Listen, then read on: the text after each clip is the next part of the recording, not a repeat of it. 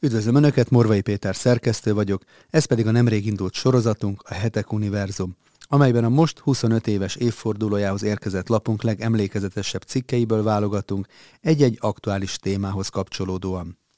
A hetek rendszeresen beszámol arról a vitáról, amely az európai nemzetek feletti egységet és globalista világkormányzás céljait meghirdető csoportok, gondolkodók és háttérintézmények, valamint a nemzeti szuverenitást képviselő mozgalmak és társadalmi szervezetek között zajlik. Első adásunkban a globalizmus legkorábbi élcsapatát, a jezsuita rendet mutattuk be, majd a második adásban az európai egység gondolat sötét gyökereiről, a nácik által tervezett ezeréves európai birodalomról volt szó. A sorozat harmadik részében két olyan személy életútját mutattuk be, akik kulcsszerepet játszottak a világkormány terveinek előkészítésében. David Rockefeller és Jacques Attali nélkül a globalizmus nem tartana ott, ahol ma a megvalósulás küszöbén. A negyedik rész a Bilderberg csoport eredetének sötét történetével foglalkozott, és bemutattuk az elmúlt évtizedek egyik legrejtélyesebb dokumentumát, a világ tervezett átalakításának részletes programját tartalmazó torontói jegyzőkönyveket. Mai adásunkban a híres hírhet Kalergi tervről és a Pán-Európai Unió mai vezetőjének, Habsburg Károly főhercegnek a Covid járvány alatt Európa jövőjéről elmondott nagyszabású víziójáról lesz szó. A nemzetek feletti pán-európa eszme 20. századi megálmodója Richard Kudenhoff Kalergi gróf, aki a mozgalom másik alapítójával, Habsburg Otto főherceggel együtt kiválasztotta a mai Európai Unió két legismertebb szimbólumát, az európai himnuszt, vagyis Beethoven örömódáját, és az Unió 12 csillagból álló zászlaját. Az 1894-ben született és 1972-ben elhunyt Richard Kudenhoff Kalergi gróf már személyében is nemzetek feletti ember volt. Apja német alföldi származású nemes ember, apa jágon Brabanti, anya jágon krétai származású, anyja pedig Japán volt. Ő maga 1894-ben Tokióban született. Az osztrák-magyar monarchiában nevelkedett fel, majd csehszlovák állampolgár lett, de a bécsi Tereziumban tanult. 1923-ban megalapította a páneurópai mozgalmat, amelynek programadó nyilatkozata szerint miután Európát kívülről és belülről is súlyos válság fenyegeti, ezért az egyetlen megoldás az, ha politikai és gazdasági föderációvá alakul. Külső ellenségként a két nagyhatalmat, a bolsevik Szovjet-Oroszországot és az egyre inkább birodalomként fellépő Egyesült Államokat látta míg a legveszélyesebb belső ellenség Kalergi számára a nacionalizmus, ami a földrész széttagolódásához és folyamatos területi etnikai viszályokhoz vezet. Az első világháború példája nyomán úgy látta, hogy csak akkor kerülhető el egy újabb európai háború, ha a kontinens integrálódik. Ezt végül Európa nem tudta elkerülni, így 15 évvel a páneurópai mozgalom zászlóbontása után kitört a második világháború, amelynek hat véres éve után Kalergi víziója még vonzóbb lett számos politikus és értelmiségi számára. Kalergit ugyanakkor nehéz lenne a progresszív utópisták közé sorolni. A Praktikus Idealizmus című művében, amely nem jelent meg még magyarul, a demokráciát a plutokrácia állarcának nevezi, így ír ebben. Miután az emberek nem tolerálnak egy nyílt plutokráciát, a névleges hatalmat meg kell hagyni náluk, miközben a valódi hatalom a plutokraták kezében van. A monarchisztikus és a republikánus demokráciában az államférfiak marionettek csupán, és a zsinórokat a kapitalisták mozgatják. Ők diktálják a politikusok politikáját, ők uralják a választó polgárok véleményét. A mai pluralizmus sokkal erősebb, mint a tegnap arisztokráciája, mert nincs senki, aki az állam felett állna. A Pán-Európa terv azt javasolta, hogy a területi vitákat és a határrevízió kérdését konfliktusok nélkül az Egyesült Európa keretei között kell megoldani. Az egyes embereknek a saját népükhöz fűződő identitás tudatán kívül ki kell alakítaniuk magukban egy európai identitás tudatot is, mondván az európai pa- partikularizmus és annak életben tartói, vagyis a nacionalizmus, az előítéletek, a nemzeti sztereotípiák csak így győzhetők le. E szellemben szorgalmazta a német-francia megbékélést is. Bár Kalergirov 1972-ben elhújt, hivatalosan szélhűdésben, titkára szerint azonban öngyilkos lett, eszméi ma talán közelebb állnak a megvalósuláshoz, mint valaha. Az Európai Egységért végzett munka legtekintélyesebb elismerését, a Nagy Károly díjat nem véletlenül éppen Richard von Kudenhof Kalergi kapta elsőként 1950-ben. Programját az 1961-ben született Habsburg Károly vitte tovább, akinek apja Habsburg Otto, apai nagyapja pedig negyedik Károly, az utolsó magyar király volt. Károly 1987-ben megalapította a Pán-Európa Ausztria szervezetet, amelynek jelenleg is az elnöke. Később 1996-ban az osztrák néppárt színeiben beválasztották az Európai Parlamentbe is. Habsburg Károly a Pán-Európai Unió vezetőjeként nemrég két nagyszabású beszédben vázolta fel az Európa jövőjéről alkotott elképzeléseit. A koncepció alapvetően eltér a jelenlegi föderatív tervektől, de a nemzeti szuverenitás helyreállítását célzó törekvésektől is különbözik.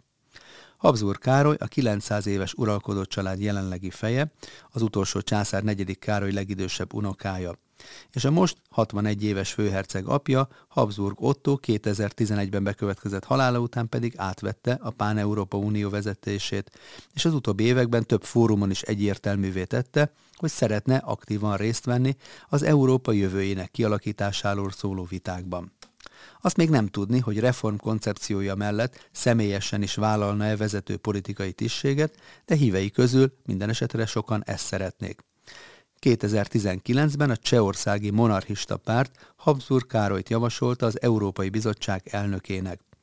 Ez a jelölés elsősorban szimbolikus volt, bár a monarchisták érdemi politikai bázissal is rendelkeznek a cseh keresztény-demokrata koalíció tagjaiként. 2019-ben több mint 7%-os eredményt értek el az európai parlamenti választáson, és az így bejutott két keresztény-demokrata monarchista képviselő az Európai Néppárt frakciójához csatlakozott. Radim Spacek, a monarchista párt vezetője így indokolta akkor Habsburg Károly jelölését. Kétség nélkül olyan személy, aki nagyon jól ismeri az európai politikai programokat, és rendkívül járatos a Közép-Európát illető problémákban, beleértve a visegrádi V4 országokat. Érti a régiónkat, nem hordoz semmilyen előítéletet vagy történelmileg negatív véleményt. Jól ismert tény, hogy a Dunai monarchia 1918-ban történt felbomlása nem hozott békét vagy stabilitást Közép- és Kelet-Európa számára, hiszen a volt osztrák-magyar monarchia egyetlen utódállama sem volt képes megvételmezni lakóit a nácizmus, majd később a kommunizmus veszélyével szemben. Habsburg Károly a Pán-Európai Unió vezetőségi ülésén 2021. januárjában, majd pontosan egy évvel később, idén januárban elmondott két nagyszabású beszédében mutatta be európai reformtervét. A koncepciónak nem csak az ad súlyt, hogy a főherceg a legrégebbi európai egységszervezet vezetője, hanem az is, hogy a beszédekből kitűnik, a terv mögött széles körű konzervatív támogatás állhat, beleértve a Vatikánt, de akár a magyar kormánypolitika formálóit is. Nyilvánvalóan nem ez az egyetlen átfogó elképzelés Európa jövőjéről, de míg az Európai Egyesült Államok koncepciója elsősorban az amerikai föderatív mintát veszi alapul, a Habsburg páneurópai terv Európa több évezredes tradíciójára épít, és olyan mintákat tekint mérvadónak, amelyek már működtek itt a kontinensünkön. Más kérdés, hogy ezek mennyiben képviselték a múltban a szabadság és az emberi jogok érvényesülését. A Beszéd Európa jövőjéről című előadása bevezetőjében Habsburg Károly a történelmi távlat fontosságát hangsúlyozta, mondván, akik nem tudják honnan jönnek, nem tudják hová tartanak, mert nem tudják, hogy hol állnak. Hiszen a döntő kérdés ma az, tudjuk-e vajon alakítani Európa jövőjét, ha nem tudjuk, hogy mik azok az alapok, mik Európa sikerének receptjei.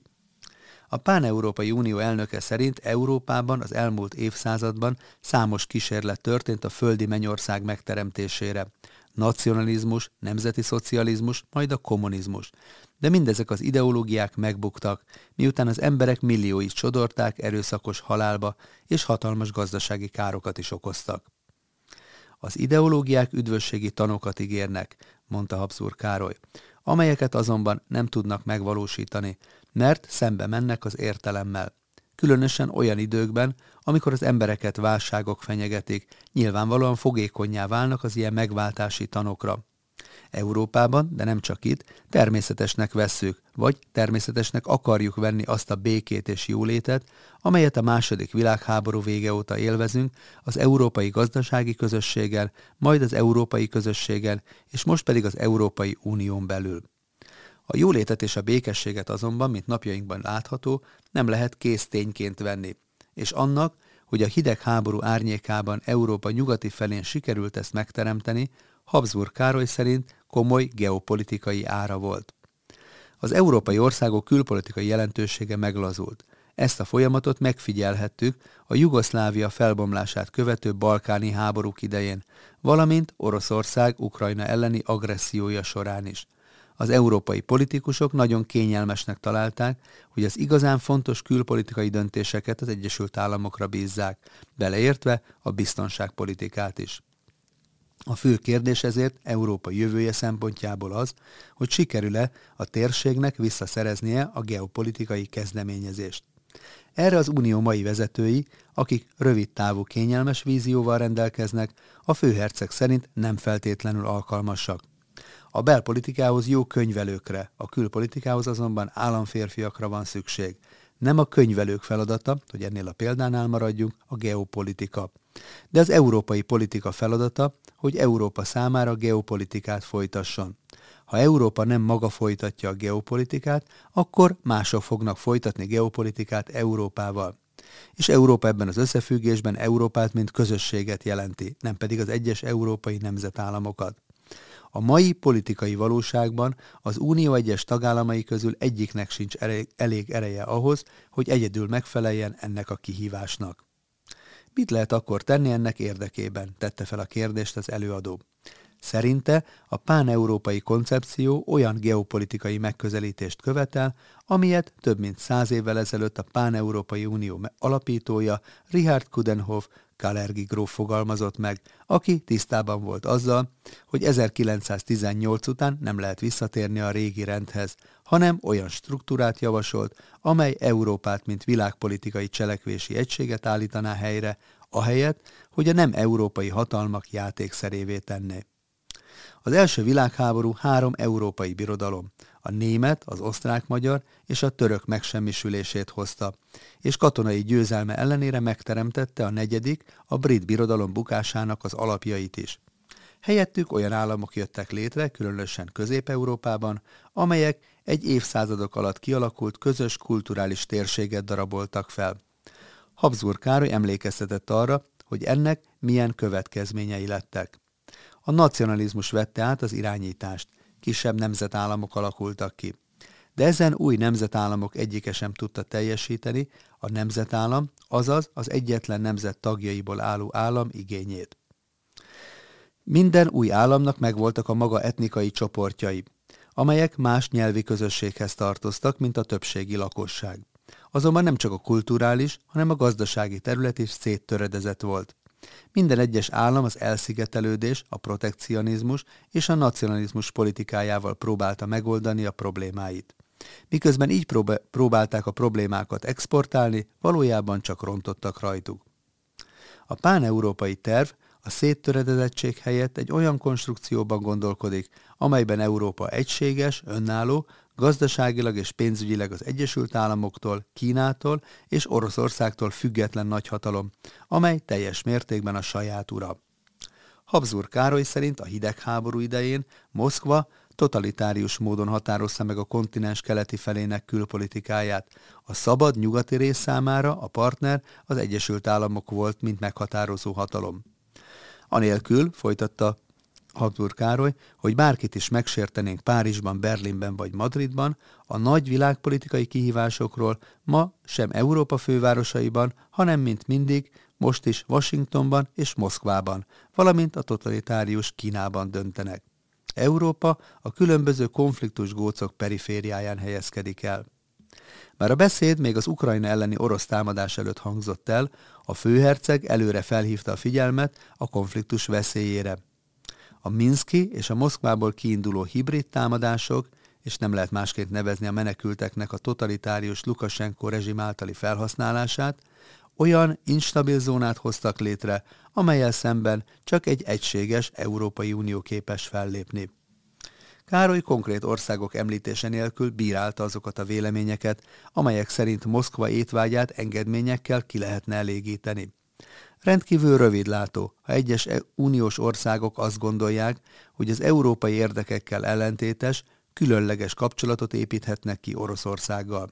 Még ha első pillantásra egy ilyen politika kis előnyt is jelentene egy ilyen ország számára, középtávon ezt az országot Moszkva már arra fogja felhasználni, hogy megossza az EU-t.